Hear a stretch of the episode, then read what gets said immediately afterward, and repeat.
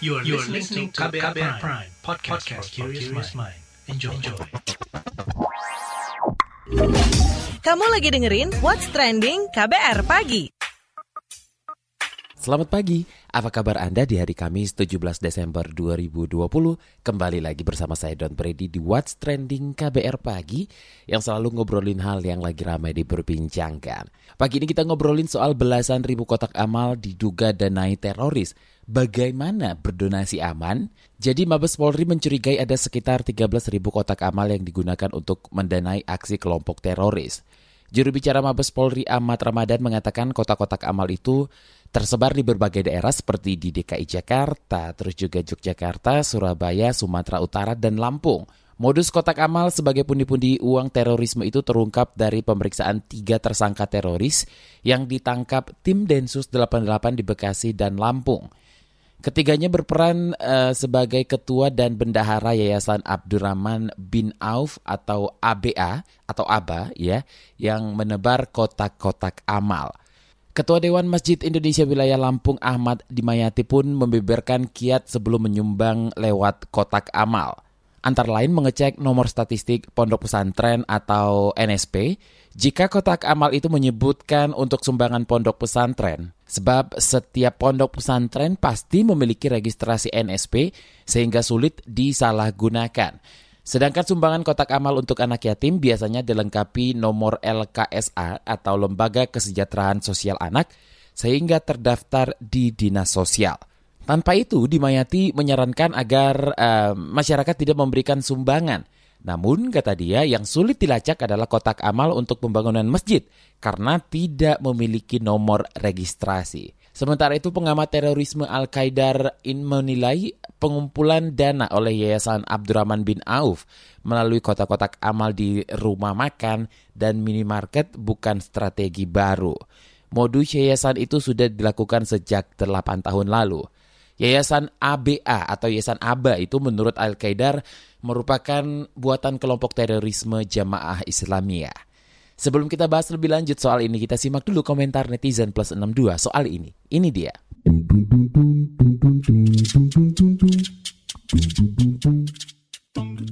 Pertama, akun @bayangkara Abdi bilang, Densus 88 Anti Teror Polri tengah melakukan investigasi terhadap dugaan adanya pendanaan jaringan teroris dan radikalisme melalui kotak amal. Diketahui setidaknya sebanyak 13.000 kotak amal menjadi sumber pendanaan aksi teroris yang tersebar di beberapa provinsi di Indonesia. Lanjut akun Ed Hussein satu bilang, pendanaan-pendanaan ilegal dari kotak amal lagi diselidiki. Semoga secepatnya bongkar pendanaan teroris di Indonesia. Akun @j underscore bilang, Beramal tidak harus lewat kotak amal, bisa banyak cara menyalurkan ya. Daripada kotak amal ternyata membiayai aksi teroris, tujuan baik tapi dimanfaatkan untuk hal jahat. Akun @edi67 kali bilang, "Nah, sekarang jelas semua sumbangan harus diaudit." Kalau akun @amin JSC bilang, "Sekalian donasi online cek juga ke mana aja sebarannya." Akun @arin06 bilang, "Gak bakalan masukin uang di situ, mau ngasih langsung ke orangnya."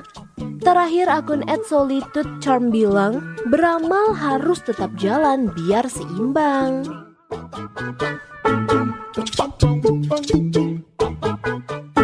What's Trending KBR Pagi Balik lagi di What's Trending KBR Pagi yang lagi ngobrolin soal belasan ribuan kotak amal diduga danai terorisme. Ketua Asosiasi Pengusaha Retail Indonesia Aprindo, Roy Nicholas Mandey, meminta pemerintah memberi arahan yang jelas dan tegas terkait aturan menempatkan kotak-kotak amal. Hal itu penting agar bisa menjembatani antara pengusaha dengan yayasan yang benar-benar jujur menyalurkan bantuan sosial kemanusiaannya. Soal ini kita obrolkan bareng Ketua Aprindo Roy Nicholas Mande. Pak Roy, bagaimana ketentuan atau izin penempatan kotak amal dan dengan adanya kejadian ini apakah akan diperketat ketentuannya? Bahwa kita jelas sudah memperlakukan aturan main yang juga sudah jadi standar prosedur para retail ya mengenai penempatan kotak amal itu harus menyampaikan pengajuan, proposal, kemudian juga bukti surat-surat pendirian yayasannya, siapa pengurusannya, kemudian juga nanti bagaimana proses mengalirkannya, ya itu semuanya sebenarnya udah jadi bagian daripada SOP. Jadi kalau penggunaannya disalahgunakan kan itu sudah luar kontrol kita. Karena kan penggunanya kan kita uang uang yang diambil dari kotak gerai itu kan kita tidak diberikan atau tidaknya kepada yatim piatu ataupun kepada kaum duafa. Tetapi kita secara garis besar kita udah melakukan bagian yang namanya persyaratan yang ketat. Misalnya ya perorangan main letakin kotak itu kemudian alamat kantor yang jelas, kemudian program hasil pengumpulan amalnya yang jelas ya kan. Jadi semuanya itu dalam proses itu. Nah tapi kalau disalahgunakan ya itu per, satu kita tidak tahu. Maksudnya kita di, tidak bisa dong mengontrol kan uangnya itu kan. Nah yang kedua perlu diketahui bahwa apa yang terjadi penempatan-penempatan itu kan tidak semua itu yang menjadi yang pewartaan sekarang untuk teroris dan lain sebagainya. Ada juga yang benar dong. Ada juga yang memang real kan. Jadi justru yang real dan yang benar ini sekarang tergerus dengan pemberitaan ataupun juga dengan penyampaian penyalahgunaan kotak amal itu. Itu yang kami sayangkan. Nah, untuk ke depan ya kami tentu akan tetap dan lebih ketat lagi dan ya Aprindo atau para gereja modern siap menerima arahan dari pemerintah atau dari pihak berwajib dan berwenang berkaitan pengaturan tata letak kotak amal ini. Nah, lalu apakah Apindo terbuka akan pengaturan dari kotak-kotak amal tersebut supaya terdata? Ya kan kita ada kementerian kan, kaitkan ada dinas sosial kan, ada pemerintah pusat, kementerian, lembaga maupun juga pemerintah daerah dinas sosial. Nah silakan saja bila akan mengeluarkan perda atau ya katakanlah SE aja pun ya itu kita akan lakukan. Artinya begini, yang terkoordinir dan juga yang kita harus melaporkan dulu sebelum penempatan dan lain sebagainya, ya kami siap sedia untuk melakukannya. Nah sementara belum ada itu ya kami akan lebih ketatkan lagi aja. Karena apa? Karena itu tadi saya katakan bahwa tidak semua kan yang disalahgunakan itu, tapi justru yang benar untuk kaum duafa atau yatim piatu itu kan masih banyak juga yang benar di gerai-gerai kita kami sayangkan saja memang adanya oknum, adanya pihak-pihak tertentu yang memanfaatkan kebajikan ini, kepedulian ini bagi mereka yang sangat membutuhkan dan kita fasilitasi, tapi ada oknum atau kelompok yang menyalahgunakan. Bisa dipastikan yang banyak-banyak itu yang penyalahgunaan ataupun juga karena mereka bisa masuk ke mana saja, oknum ini, kelompok ini, itu kebanyakan justru yang di non gerainya retail Aprindo. Karena kan pemilik warung atau toko tradisinya lain kali perorangan pun dan lain sebagainya kita tidak tahu ketika mereka masuk dan pemilik warung menerimanya. Kita nggak ngerti kan karena mereka bukan anggota Aprindo. Tapi kalau yang anggota Aprindo pasti ada SOP-nya gitu. Oke, apakah Aprindo sudah bekerja sama dengan pihak kepolisian untuk mengusut tuntas persoalan ini? Sudah, beberapa anggota kami sudah berperan untuk hal tersebut. Karena ini kan untuk penyalahgunaan ini kan hal yang sama-sama kita tidak harapkan kan. Masing-masing gerai, masing-masing peritel modern yang ditanyakan atau diminta keterangan sudah melakukan. Karena kan yang benar juga kan ada, yang benar juga banyak, tapi dimanfaatkan oleh oknum dan uh, pihak-pihak tertentu ini. Nah inilah makanya kita minta ketegasan lah dari pemerintah ya untuk kementerian lembaga, baik pemerintah pusat maupun juga pemerintah daerah melalui dinas terkait segera mengeluarkan dong edaran atau maklumat bagaimana pengaturannya. Sehingga kita harapkan negara hadir di tengah masyarakat dan pelaku usaha. Terima kasih Ketua Aprindo Roy Nicholas Mande. Commercial break. Commercial break. Vina, seorang volunteer dari komunitas Biho memberi pesan kepada teman-teman Broken Home untuk dapat bangkit dari keterpurukan dan mampu berdikari jangan sampai kalian menikah saat kalian belum siap. Itu penting banget. Jadi selama masih muda nikmati aja masa mudanya. Carilah hal-hal positif yang bermanfaat buat masa muda kalian. Sehingga nanti kalian ketika pun sudah memiliki pasangan, mau mencari pacar misalkan atau sudah ingin menikah, kalian sudah benar-benar matang agar apa yang kalian alami tidak terjadi kembali kemudian hari. Simak obrolan selengkapnya dalam podcast Disco Diskusi Psikologi dalam episode Bangkit dari Keterpurukan dan Berdikari di kbrprime.id dan platform mendengar podcast lainnya. What's Trending KBR Pagi. Kita lanjutkan ngobrol soal belasan ribu kotak amal diduga danai teroris. Kalau tadi kita sudah ngobrol dengan Ketua APRINDO atau Asosiasi Pengusaha Retail Indonesia, ada Roy Nicholas Mande. Kali ini kita akan ngobrol dengan Hamid Abidin, Direktur Filantropi Indonesia. Jadi filantropi Indonesia ini merupakan lembaga nirlaba dan mandiri untuk memajukan filantropi di Indonesia agar bisa berkontribusi dalam pencapaian keadilan sosial dan pembangunan berkelanjutan. Sudah bersama saya Hamid Abidin, Direktur Filantropi Indonesia. Pak Hamid, bagaimana Anda menilai atau menanggapi adanya pendanaan terorisme yang bersumber dari kotak amal? Pertama, kita perlu melakukan refleksi ya. Jadi ini PR besar bagi sektor filantropi atau sektor kedermawanan. Dan ini tanggung jawabnya bukan hanya tanggung jawab pemerintah, tapi juga donatur, lembaga amal, juga pemerintah tentu saja.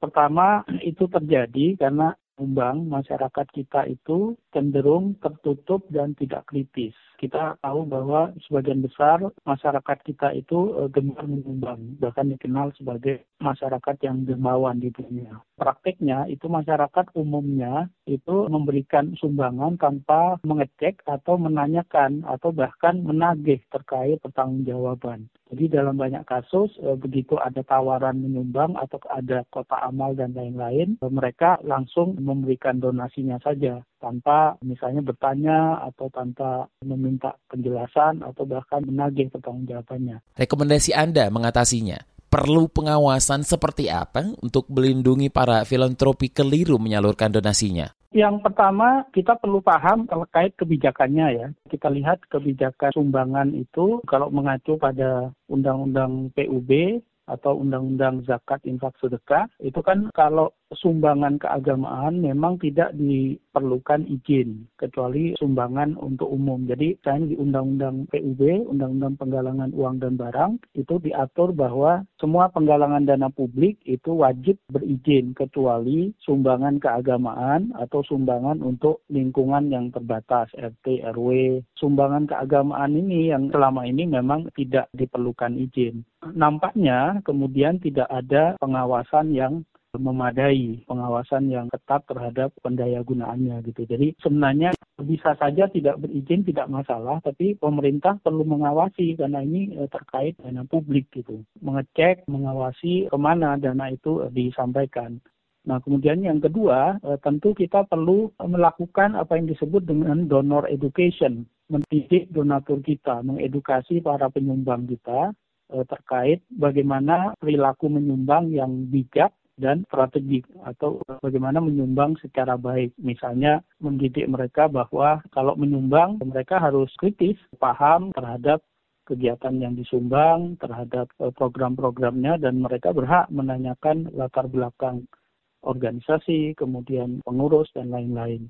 Nah, seperti apa kiat beramal secara aman dan tepat sasaran? Sekarang ini sebenarnya sudah banyak lembaga-lembaga amal yang eh, sangat transparan dan akuntabel. Lembaga-lembaga amal zakat itu sudah berkembang sedemikian rupa mulai dari Lazis NU, ada Lazis Muhammadiyah, ada lembaga amal zakat, ada dompet duafa, ada basnas dan lain-lain yang sebenarnya sudah uh, transparan dan akuntabel dan selama ini itu punya kredibilitas bagus gitu.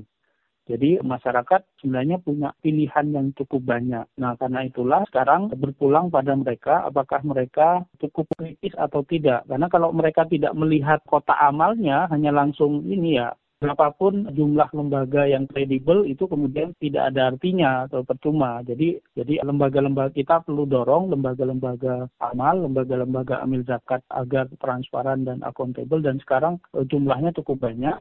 Dua, masyarakatnya juga harus diedukasi, dididik untuk kritis. Mereka harus disadarkan bahwa sumbangan itu bisa berujung pada dua hal, bisa membantu, tapi juga bisa menjadi mudorot, bisa membawa dampak negatif karena disalahgunakan untuk terorisme dan lain-lain. Yang paling penting tadi sebenarnya mendorong mereka untuk menyumbang secara terorganisir melalui lembaga-lembaga yang sudah transparan dan akuntabel tadi gitu. Bagaimana memupuk semangat beramal agar para dermawan tidak berhenti berdonasi?